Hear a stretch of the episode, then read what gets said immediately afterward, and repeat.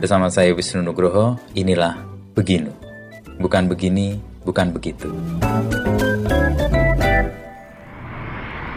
Halo pendengar setia Beginu, selamat datang di episode terbaru persembahan Kompas.com dan Media Podcast Network. Sebelum mendengarkan sesi episode kali ini, jangan lupa untuk follow dan beri rating terbaikmu untuk podcast Beginu di Spotify. Serta nyalakan notifikasinya ya, supaya kamu bisa terinfo setiap ada episode terbaru. Follow juga Instagram, TikTok, dan Twitter kami di @medio by KG Media. Di episode ini, kita akan menyelami kisah Kukuh Kudamai, seorang musisi yang gagal menjadi guru olahraga. Bincang-bincang Wisnu Nugroho dengan Kukuh Kudamai berangkat dari kisah observasi untuk bahan lagu-lagunya. Kukuh juga berkisah tentang mimpinya untuk menjadi guru olahraga dan harus pupus. Langkah itu kemudian berbuah jalan untuk menyelami dunia seni. Yuk, langsung saja kita dengarkan lebih lanjut. Sobat Medio, kamu penggemar kisah di balik layar investigasi program Aiman Kompas TV? Penasaran dengan kehidupan Aiman Wicaksono di luar televisi? Simak podcast Aiman Wicaksono, eksklusif dan belum pernah disampaikan olehnya di program Aiman Kompas TV. Persembahan Media Podcast Network by KG Media, Kompas TV, dan Trusted Talent Management hanya di Spotify.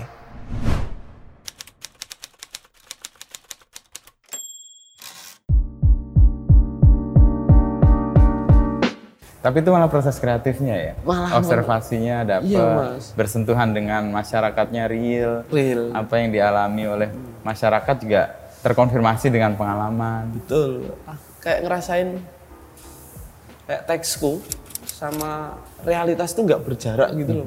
Makanya orang meluk cerita itu dengan segera kan Iya. karena ini gue banget gitu. Iya. Ini wah pengalamanku banget gitu. Ah, Alhamdulillah aku dari daripada yang kemudian dapat hingar-bingarnya apresiasi gitu, aku lebih baik malah banyak komen-komen di YouTube tuh, Mas ini yang dirasakan mantan anyar apa eh, suami Pak Sutri baru.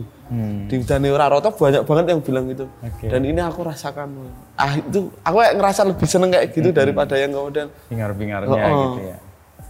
jadi wah alhamdulillah pesannya tersampaikan dan mewakili bahkan itu lebih jadi proses aku pikir juga kalau membahas cinta tematik cinta itu kan nggak yang kemudian harus sakit hati kalangan menengah eh, menengah ke atas atau dan menengah ke bawah kan orang yang tidak mampu sama orang yang, mampu. kaya. Mhm. Tapi cinta itu juga ada yang yang namanya mengikhlaskan. Kayak kayak gitu kan menurut Odan nih. Ya udahlah kita sama-sama ikhlas. Mhm. Aku kiri kamu kanan ya udah. Kamu beda Beda jalan ya. eh, eh, beda pemikiran juga mungkin ya.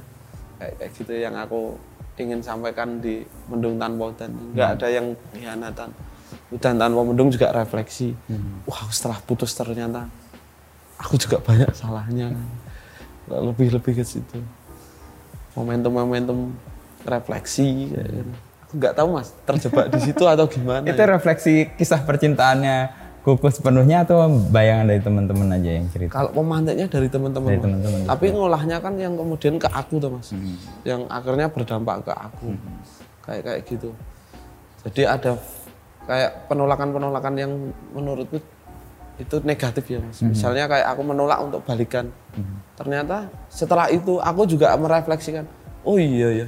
Wong aku putus juga dulu itu karena aku juga nggak nggak eh, nggak terlalu memperhatikan dia, nggak menyikapi nggak bisa ngobrol intens dengan keluarganya. Mungkin salah satunya itu kan juga pengaruh tuh mas. Oh ya. Mungkin refleksinya ke situ sih mas kalau ke akunya. Tapi kalau kalau di teks lagunya pemantiknya tetap Teman-teman. sampai hari ini aku memotret realitas itu Iya karena menjadi telinga untuk banyak orang itu ya. itu ya Aku yakin gini sih kan ini cerita yang di-create dari hati. Ketika sesuatu di-create dan dikeluarkan dari hati yang akan tersentuh tuh hati-hati yang lain. Eh, gue percaya itu. Percaya, Begitu juga kalau pikiran. Kalau cuman kita pakai pikiran, nanti yang tersentuh cuman pikiran. Pikiran. doang. Cuma adu gagasan aja. Apalagi kalau nggak pakai pikiran dan nggak pakai hati, pasti nggak ada yang tersentuh. Bener mas kayak yang aku aku bilangnya kayak rangerku dan beberapa teman-temanku yang tak ajak sharing tuh mereka memberikan energi baik ke Lagu eh, laguku. Jadi aku ketika lagu itu tak tak lempar ke Mereka? yang bikin musik iki dipiye nih mas?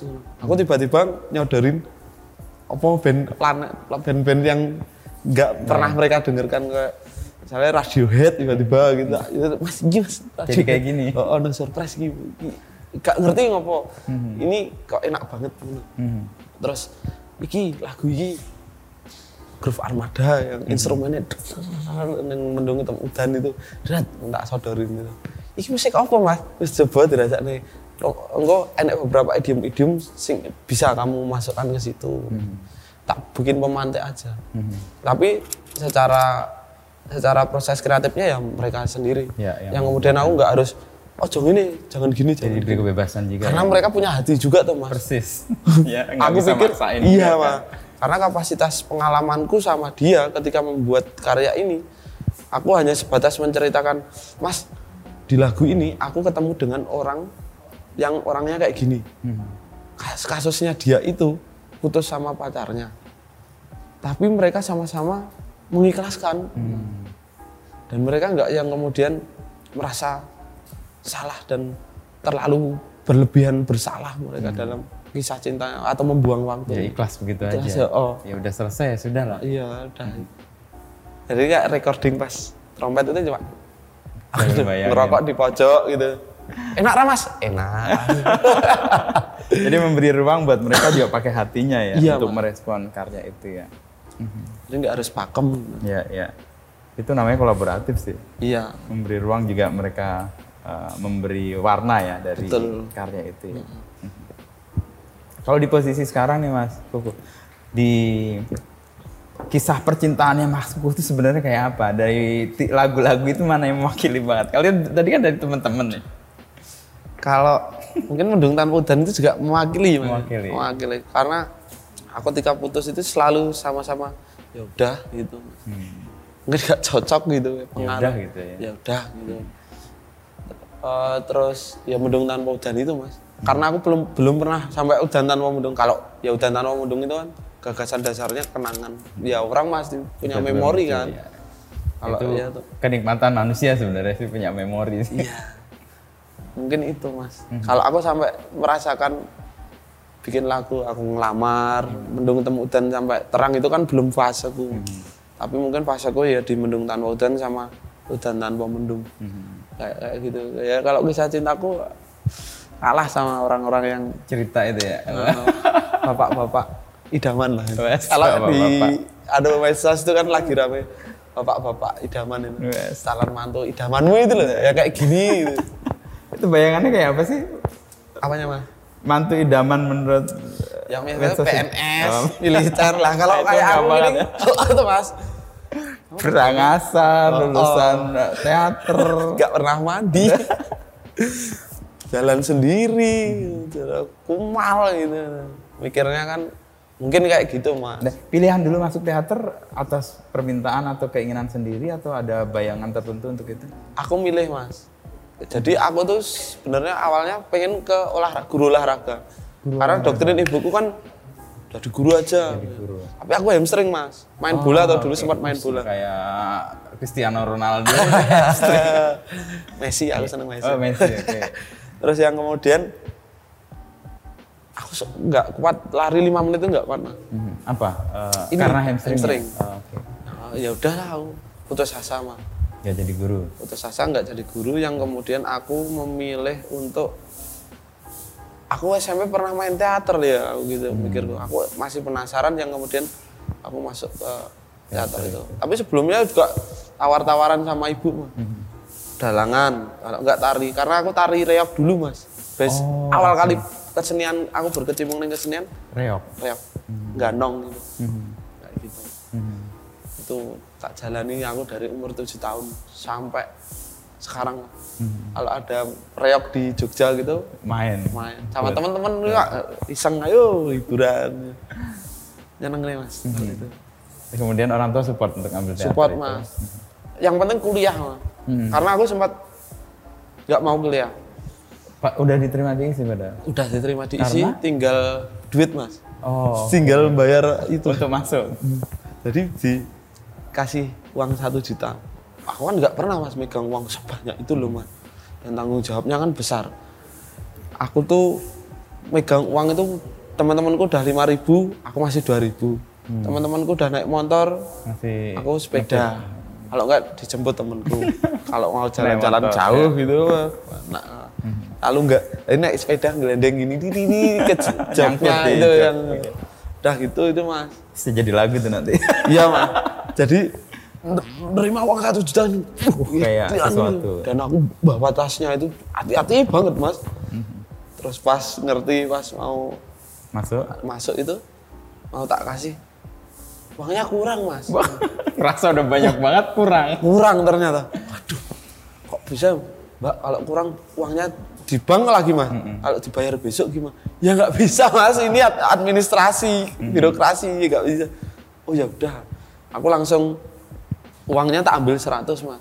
Aku beli pulsa karena masih HP poliponik tuh loh. Tak telepon bu, ah, rasa kuliah. aku. Duitnya kurang. Oh, duitnya kurang ini aku. Iso. Tak golekne utangan. Nah, tak cariin utangan gitu. 500 ribu loh kurangnya bu. Banyak banget separuhnya itu kan mas. Itu tahun 2011 Sebel, eh, 11 mas. ya. Oke. Aduh piye. So, so, golekne. Akhirnya ibu transfer mas. Lewat temanku. Transfer temanku Ngambil. ngambil Bawa ke akhirnya kampus. daftar itu. Dan masuk kampus seni itu kan nggak sesuai Ekspektasi. itu asik itu ya Allah ini kampus apa aku ini nggak mandi apa ini orang-orangnya ternyata aku juga kayak mereka kok bisa ya maksudnya dan mereka keren-keren aku pikir mah yang salah satu yang membentuk mentalku berkarya aku nggak mikir yang kemudian laku atau tidak tapi karya itu kan nafasnya panjang aku pikir. ya dari kampus itu ya. Mm. Buat dari mas-masku, mbak-mbakku, dosen-dosenku itu. Iya. Dan itu merubah merubah cara pandangku ketika menyikapi sit- eh, apa pun. Situasi ya. Heeh. Yang mengecewakan atau Heeh. nggak sesuai dengan harapan. Nah, Dan banyak tuh mas, maksudnya satu naskah itu kita bisa membaca sampai 50 halaman. Dan itu kita harus pecahkan semua dialognya dengan kepala orang banyak. Nah itu yang membuatku akhirnya mungkin punya sudut pandang yang banyak juga Iya, gitu. karena mendengar dari banyak orang juga. Ya, dan membaca terlalu yang penting kan seninya di situ tuh mas. Dan aku sering baca koran mas.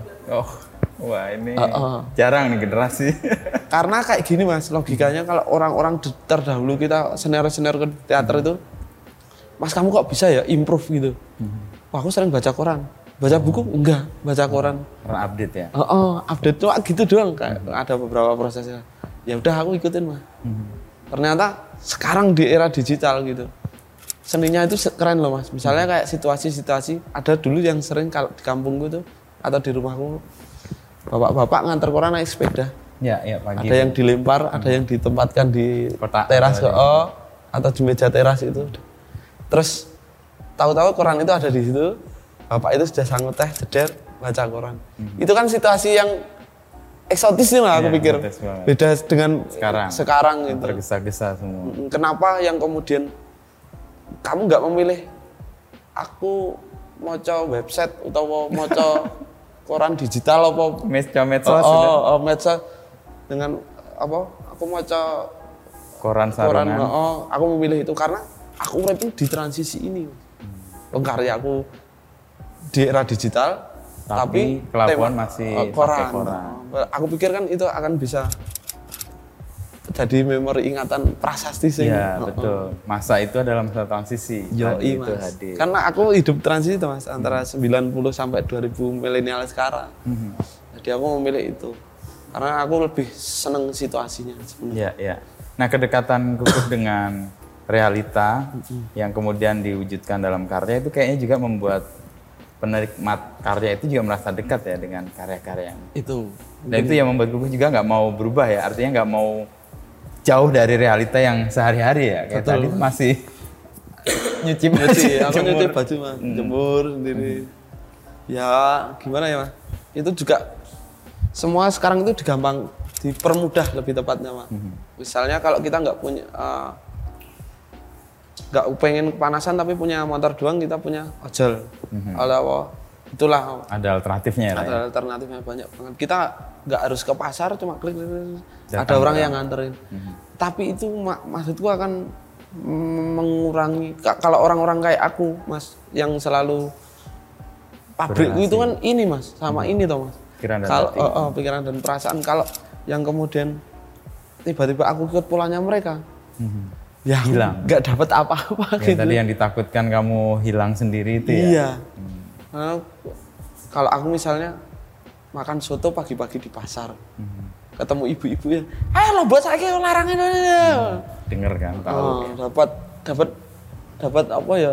Pasti dapat rangsangan-rangsangan yang wah, urip itu nggak akan terjadi kalau kita pakai aplikasi soto datang di rumah. Iya, itu kan cuma ah, pengen beli anu klik sambil miring tidurnya klik klik klik kita mau dapat apa mas gitu tuh kalau kita jalan manasi motor gitu-gitu terus jalan dan oh Momennya enggak. disadari, eh. gitu ya, pelan. itu kan akan dapat energi yang kita yang perlukan lah aku pikir Merecharge kita sendiri Oh, juga ya. Iya bener mas.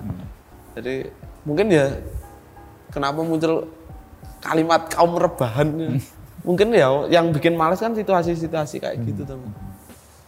Mungkin kayak gitu sih mas kalau Iya. yang model-model proses. Apa yang paling menakutkan dari kuku, eh, dari kepopuleran kukuh ini yang sekarang dirasakan? Kalau aku nggak bisa bikin karya lagi mas. Udah Makanya itu. tadi menutup untuk tidak mendengar tepuk tangan itu penting ya. Ya itu salah satunya mas. Mungkin ya sama ngerem juga misalnya nggak harus semuanya aku terima. Oh, Oke, wah itu luar biasa ya. Padahal banyak ya. Banyak, Mas. Akhirnya memilih ya, membatasi. Ya misalnya kayak tawaran-tawaran gitu kan Tiba-tiba Tapi kan banyak ada juga yang dimanfaatkan kan mas. Mikirnya mumpung banyak. populer. oh, eh, mumpung populer tapi di mungkin Jogja ini kan mikirnya masih bukan mikirnya tapi lebih ke kayak gini loh mas. Wah Jogja mahal banget toh kayak gitu. Maksudnya bukan bukan masalah Jogjanya loh bro. Tapi memang kapasitasnya kita harus sama rata kalau masalah itu kan. Aku pikir kayak kayak gitu sih. Nah itu makanya aku juga nggak mau ngurusin masalah duit sampai sekarang. Biar Mas. dipegang oleh yang Iya. lain. Jadi kayak paket data itu loh mas, M banking aku nggak punya. Ah, Oke. Terus yang belanja belanja online tuh nggak punya. Pokoknya pokok kreatifnya aja ya. Oh, oh mas, HP itu cuma ya untuk foto, video, nulis. Nggak cuma gitu mas, ngedit, ngedit jadi kadang-kadang sendiri. Nggak yang kemudian tak serahin. Nah, ke malah pepet, membantu kukuh tetap punya kemampuan berkarya sebenarnya kan fokus di produksi dan kreatifnya itu. Iya mas. Jadi jadi aku besok kalau misalnya punya tim yang lebih besar gitu, aku nggak seenaknya juga nyuruh orang-orang itu lebih lebih efektif lah aku pikir. Mereka tetap bisa berkembang, aku juga. Iya, Keinginanku cuma gitu mas. Jadi apa yang aku rasakan ini tak tes dulu di aku baru tak share. Iya, iya. Jadi popularitas sebenarnya oke tapi dibatasi juga ya. Iya. Karena itu bisa mer- apa merenggut segala hal yang bisa mematikan proses kreatif berikutnya Betul. Juga. Ya viral itu kan paling karya viral itu kan katanya dulu mentok itu seminggu, tiga minggu, terus sebulan lebih, tiga bulan. Udah karya itu akan stop Berhenti. di situ. Atau kalau nggak dipenyanyikan di lagu ini kalau dinyanyikan lagu ini, udah akhirnya mati nanti. Akhirnya ke blok orang ini. Tapi ya alhamdulillah ya mas, ya, karyaku dinyanyikan siapa aja ya. Tetap naik. akhirnya mereka juga dapat rezeki dari karyaku gitu. Dan banyak kan makanya penulis tuh orang yang paling ikhlas menurutku mas. Orang yang paling? Paling ikhlas oh, karena? Duh, lagunya misalnya penulis lagu. Lagunya diputar di mana aja. mereka nggak yang nulis lagi susah atau enggak. Tapi dia seneng tetapan ketika karyanya dibawakan. Itu ke- ngeri loh. Aku ngerasa kayak ngerasain itu. Aku tenang deh ya nih fase iki. Kan kar- karena aku nggak menyadari itu teman Oke. karena kayak ada yang bilang gitu mas matur nuwun ya wes gawe wes bikin lagu, Lagu ini, ini. kami Padahal dari band ini selalu ada request lagu ini mas. Kayak gitu. Misalnya aku ke kafe mana atau bar gitu kan ada Nyata. band-bandan heeh. cover lagu itu Heeh.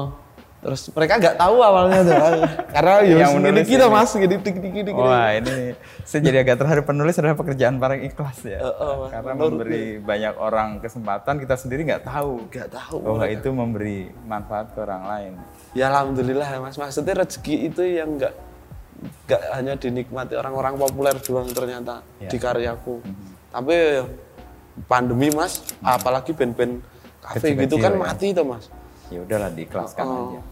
ya ya wes menurutku. mungkin aku juga nggak bisa membantu bencana alam yang kayak bagaimana tapi dari orang-orang itu juga oh ini mungkin Dengan ini juga lagu membantu itu ya mereka dapat manfaat gitu ya. Tapi kalau secara ukuran bisnis dengan lagu-lagu yang kukuh buat, kalau di cover secara profesional ada itu hitungannya pasti ya. Pasti, teman-teman di manajemen itu. ya pasti ada beberapa apa senengnya konsep bisnisnya lah Ada ya. ada yang bagi hasil lah ada yang gimana gitu Kalau yang kecil-kecil tadi ya udah ikhlas saja ya. Iya. Sebagai bagian dari membantu juga kan mereka. Meskipun kita nggak sadar itu bantuan. ya. iya kadang aku selalu mau udah punya karya sendiri belum Hmm.